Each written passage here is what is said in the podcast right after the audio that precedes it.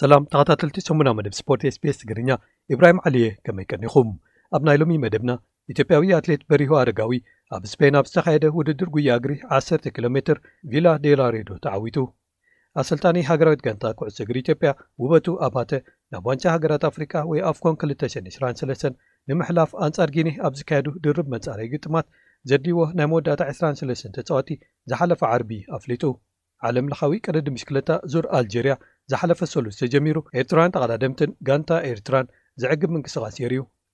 ፕሪምየር ሊግ ዓዲ እንግሊዝን ፈነወታት ግጥማቱ ናብ መላእ ዓለምን ሓደ ካብቶም ኣብ መደበር ቴሌቪዥን ቢቢሲን ኩዕሶ እግሪ ዓለምን ፍሉጣትን ጸለውትን ዝኾነ ጋሪ ሊነከር ንኣተሓሕዛን ፖሊሲን መንግስቲ ብሪጣንያ ኣብ ልዕሊ እቶም ባሕሪ ሰጊሮም ካብ ፈረንሳ ናብ ብሪጣንያ ዝኣትዉ ሓተቲ ዑቕባን ስደተኛታትን ብዝምልከት ዝነቅፍ ርእይቶ ድሕሪ ምሃቡ ኣብ ቅልውላው ኣትዮም ይርከቡ ዝብሉ ገለ ትሕዝቶታት ንምልከቶም እዮም።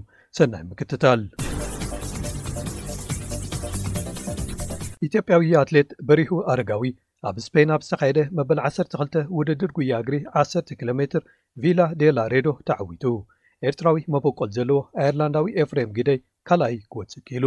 እዚ ውድድር ኣብ ዓውደ ኣዋርሕ ውድድራት ጉያ እግሪ ዓሰርተ ኪሎ ሜትር መንገዲ ፈደሬሽን ስፔን ድሕሪ ውድድራት ኣብ ቫለንስያን ሳን ሲልቨስትረ ቫየካናን ተኸቲሉ ኣብ ሳልሳይ ደረጃ ዝስራዕ እዩ። ኤፍሬም ኣብ ክልተ ሽሕን ዓሰርተ ሽዱሽተን ካብ ኤርትራ ከም ስደተኛ ድሕሪ ምውጽኡ ናብ ዳብሊን ኣየርላንድ ኣብ ክልተ ሽሕን ዓሰርተ ሸውዓተን ቅድሚ ምእታዉ ኣብ ፈረንሳ ኣብ መእከቢ ስደተኛታት ካለይ ከቢድን ኣሸጋርን ኢሉ ዝገለጾ ህይወት ከሕልፍ ተገዲዱ እዩ። ንሱ ብተወሳኺ ኣየርላንድ ኣብ ዝበጽሓሉ ቋንቋ እንግሊዝ ኣይክእልን ነይሩ። ኣብ ከተማ ታይለርስታውን ኣብ ካልኣይ ደርጃ ቤት ትምህርቲ ለሽ የል ተመዝጊቡ ከኣ ትምህርቱ ድሕሪ ምጅማሩ በብቑሩብ ክእለቱ ብምምዕባል ኣብ ፈለማ ክልተ ሽሕን ዓሰርተ ትሽዓተን መልቀቒ ፈተና ላዕለዋይ ካልኣይ ደርጃ ወሲዱ። ድሕሪኡ ኣብ ኣየርላንድ ተስፋ ናብ ዘለዎም ዓበይቲ ኣትሌታት ተሰጋጊሩ ኣብ መሰልጠኒ ማእከል ክሎንሊፍ ሃርየርስ ኣብ ትሕቲ ኣላይነት ጆ ኩፐር ኣብ ምስልጣን ይርከብ። ኣብ ክልተ ሽሕን ዓሰርተ ትሽዓተን ዜግነት ኣየርላንድ እንተወሰደ'ኳ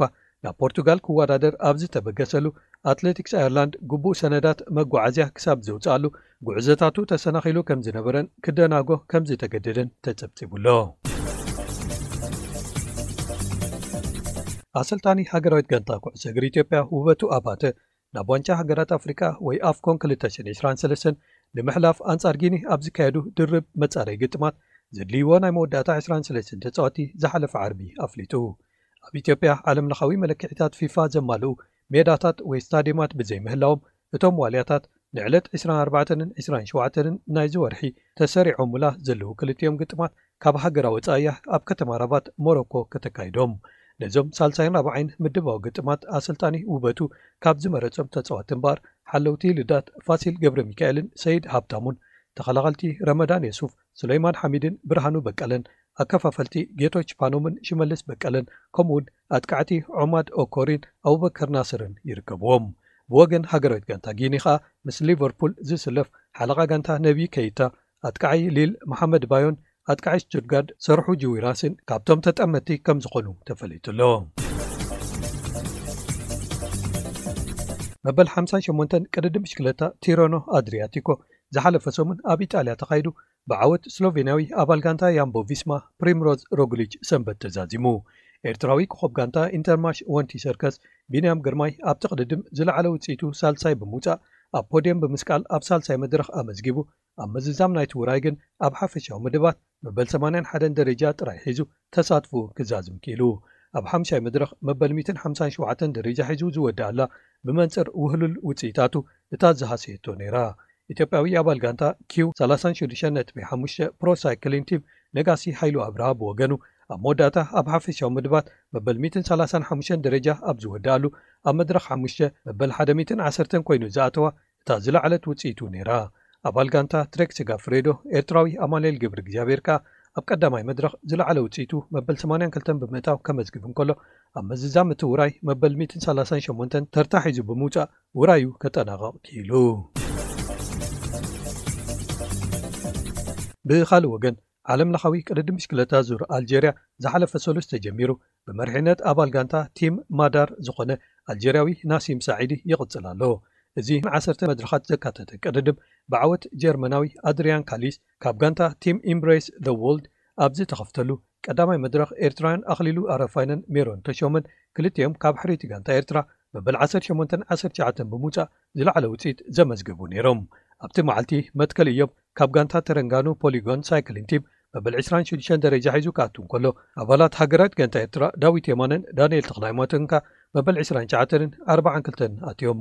ናትናኤል ብርሃነ ካብ ጋንታ በይኮዝ በሊደየሲ ስፖር ክሉቡ መበል ኣርባዓን ትሽዓተን፣ ጳውሎስ ገብረሚካኤልን ናሆም መኮንንን ከኣ ሓምሳን ሸውዓተንን ስሳን ሸሞንተን ደረጃታት ሒዞም ቀዳማይ መዓልቲ ቅድድሞም ዛዚሞም።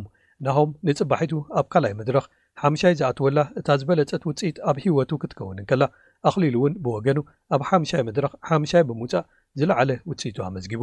እንተኾነ ግን ናትናኤል ኣብ ሻድሻይ መድረኽ ሳልሳይ ዝወጽኣላ ካብ መዛኑ ኤርትራውያን ክሳብ ሕጂ ዝለዓለት መድረኻዊት ውጽኢት ኮይና ኣላ።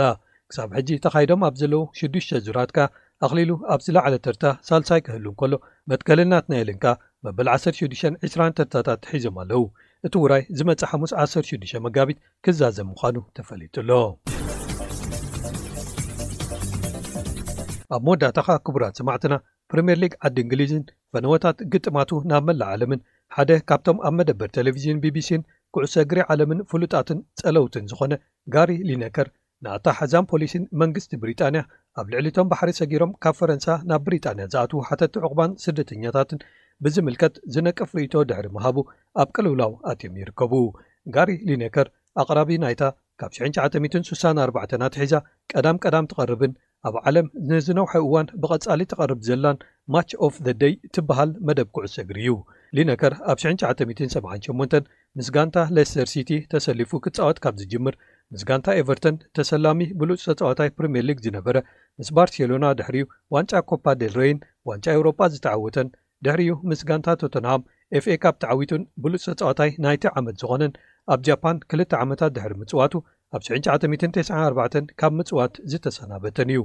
ኣብ ሃገራዊት ጋንታ እንግሊዝ ከኣ ንሸሞንተ ዓመታት ዝኣክል ሰማንያ ግዜ ተሰሊፉ ኣርብዓን ሸሞንተን ሽቶታት ዘመዝገበ እዩ። ንመደብ ማች ኦፍ ዘ ደይ ኣቕራቢ ኮይኑ ብምግልጋል ተፈታውን ተፈላጥን ኮይኑ እዩ። ሰሉስ ዝሓለፈ ሰሙን ግን መንግስቲ ብሪጣንያ ሓድሽ ፖሊሲ ሓተቲ ዑቕባ ኣብ ዝገለጸሉ እዋን ዝተጠቕመሎም ትሕዝቶ ቃላትን ቋንቋን ምስ ፕሮፓጋንዳታትን ፈኸራታትን ናይ ሽሕን ትሽዓተ ሚእትን ሰላሳታት ጀርመን ዝመሳሰሉ እዮም ክብል ብትሪ ነቒፉ ርእይትኡ ብመንገዲ ትዊተር ዘርጊሑ።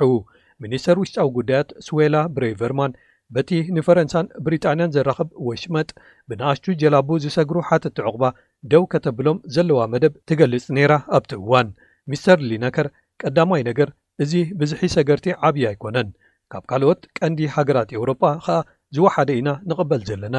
እዚ ርትዓዊ ዘይኮነ፣ ብዘይ መጠን ጨካንን ኣብ ልዕሊ'ቶም መሳኪን ወይ ሓጋዚ ዘይብሎም ኣዝዮም ተነቀፍቲ ሰባት ዝቐንዐ ፖሊሲ ኮይኑ፣ ምስቲ ኣብ ሰላሳታት ጀርመን ትጥቀመሉ ዝነበረት ቋንቋ ብዙሕ ዝፍለ ኣይኮነን ክብል ወሲኹ ገሊጹ።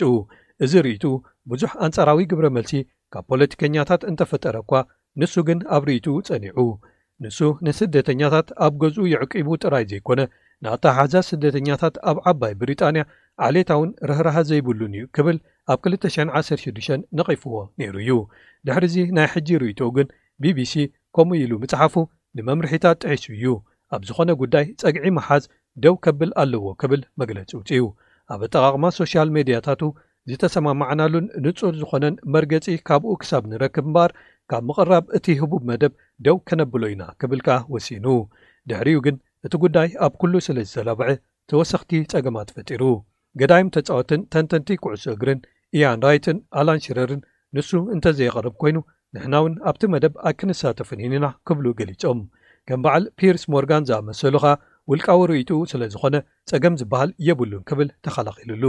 ቀዳማይ ሚኒስተር ስኮትላንድ ክኸውን ዝወዳደር ዘሎ ሑምዛ ዩሱፍ ቢቢሲ ፀግዒ የማናዊ ዝኾነ መንግስቲ ወሲዱ ንሊነከር ነቲ መደብ ካብ ምቕራብ ከልኪልዎ ክብል ከሲሱ። ሓደ ማሕበር ዓይነ ስውራን ብወገኑ፣ ቢቢሲ ግጥማ ብዘይ ትንተና ድምጺ ከተመሓላልፍ ምውሳና ዘይርትዓዊ እዩ ክብል ገሊጹ። ማሕበር ሰራሕተኛታት ጋዜጠኛታት፣ ኣተሓሕዛ እቲ ጉዳይ ኣዝዩ ዘሕዝንን ስም ቢቢሲ ዘባላሽዩን እዩ ክብል ገሊጹ። ማሕበር ጋዜጠኛታት ስፖርት ከኣ፣ ንነጻነት ምዝራብ ኣባላቱ ምሉእ ብምሉእ ከም ዝድግፍ ገሊጹ። ካልኦት ጋዜጠኛታት ስፖርትን ተንተንትን ከኣ ኣሰር በዓል ራይትን ሽረርን ተኸቲሎም ካብ መደባት ሬድዮን ተለቪዥንን ኣንሳሒቦም። እቲ ዝበዝሑ ትሕዝቶታትን መደባትን ዝቐርበሉ ቀዳም ከኣ ኩሎም ብቐጥታ ዝመሓላለፉን ዝድገሙን መደባት ኩዕሶ እግሪ ተሰሪዞሞ። ናይ ቀዳም መደባት ድሕሪ ምስንኻሎም ቀዳማይ ሚኒስተር ሪሺ ሱናክ እቲ ምፍጣጥ ኣብ መንጎ ክልቲኦም ወገናት ቀልጢፉ ክፍታሕ ዘለዎ ምንየቱ ገሊጹ። መንግስቲ ግን ጉዳዩ ስለዘይኮነ ኢዱ ከምዘየእቱ መረጋገጺ ሂቡ። ቢቢሲ፣ ጋሪ ሊነከር ብመምርሒታቱ ክምእዘዝ ኣለዎ እንተበለ'ኳ፣ ሊነከር ፍሪላንስ ብሮድካስተር ደኣ'ምበር ቀዋሚ ሰራሕተኛ'ቲ ትካል ስለዘይኮነን፣ ንዜናውን ፖለቲካውን ትሕዝቶታት ሓላፍነት ስለዘይብሉን፣ ነቶም ተረርቲ ሕግታት ዘይወገናውነት ወይ ዘይሸራውነት ክኽተሎም ግድን ኣይኮነን ዝብሉ ብዙሓት'ዮም። እዚ ጸገም ንዋና ኣካያዲ ቢቢሲ ዳይረክተር ጀነራል ቲም ደይቪ፣ ክወርድ መጸዋዕታ ከቕርብ ቀሲቡ ኣሎ። ቢቢሲ መደባቱ ብስሩዕ ከቕርብ ብዘይምኽኣሉ ንከፈልቲ ፈቓድ ወይ ላይሰንስን ኣፍቀርቲ ስፖርትን ይቕሬታ ሓቲቱ። ጋሪ ሊነከር ግን መደቡ ድሕሪ ምስራዙ ቀዳም ናብ ግጥም ፕሪምየር ሊግ ናይ ቀደም ጋንትኡ ሌስተር ሲቲ ኣንጻር ቸልሲ ብምኻድ ምስ ደገፍቲ ተጸንቢሩ ተዓዚቡ። እታ መደቡ ግን ንዕስራ ደቒቕ ጥራይ ኣብቲ መዓልቲ ተቐልቂላ ጠፊኣ። ወዱ ንጋሪ ሊነከር ኣቡኡ ናብታ መደብ ክምለስ ከም ዝኽእል ክገልጽ እንከሎ፣ ህጻናት ኣብ ኣፍ ደገ ገዝኦም ዕምባባ ኣንቢሮምሎም። ካልኦት ከኣ ንስደተኛታት ዘርኣዩ ሓልዮትን መርገጽን ብምንኣድ ቸኮላታ ኣቐሚጦምሉ። ሓላፊ ቢቢሲ ነበር ግሬግ ዳይክ እቲ ውሳነ ቢቢሲ ጌጋ እዩ ነይሩ ክብል ንሊነከር ደጊፍዎ። ኣሰልጣኒ ሊቨርፑል የርገን ክሎፕ ብወገኑ ውሳነ ቢቢሲ ክርድኣካ ዘይክእል እዩ፣ ሊነከር ውልቃዊ ርእይትኡ ክህብ ክፍቀደሉ ኣለዎ ኢሉ። ገዲም ተጻዋታይ ሊቨርፑል ጆን ባርነስ፣ ኣነ ቢቢሲ ዘይሸራዊ ዝኾነሉ ግዜ ኣይፈልጥን እየ፣ ነዛ ሃገር እንተ ነቒፍካያ ግን ከምዚ ዓይነት መምርሒታት እናምጹ ክዕፍኑኻ ይደልዩ ክብል ገሊጹ። ንክኢላ ሒሳብ ህብብቲ ኣቕራቢት መደብ ካሮል ቮርደርማን፣ ተዋሳኢት ዶን ፍሬንችን ከንቲባ ለንደን ሳዲቕ ካህንን ወሲኽካ፣ ንሊነከር ዝድግፉ ሰባት እናበዝሑ ኣብ ዝኸድሉ፣ ዝርርባት ኣብ መንጎ ቢቢሲን ሊነከርን ከም ዝተጀመሩን ጽቡቕ ይስጉሙ ከም ዘለዉን ይሕበሩ ኣለዉ። ሰንበት ግን ልክዕ ከም ቀዳም፣ መደባት ኩዕሶ እግሪ ቢቢሲ ብዘይ ኣቕረብቲ ዝተፈነወላ መዓልቲ ኰይና ሓሊፋ።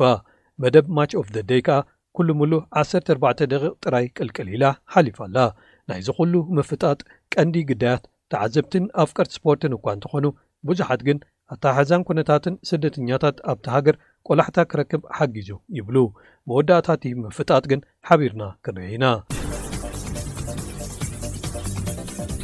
ክቡራት ሰማዕትና ናይ ሎሚ ትሕዝቶታት ሰሙና መደብ ስፖርት SBS ትግርኛ እዞም ዝሰማዕኩሞም ነይሮም። ሶኒ ኣብ ተመሳሳሊ እዋን ክሳብ ንራኸብ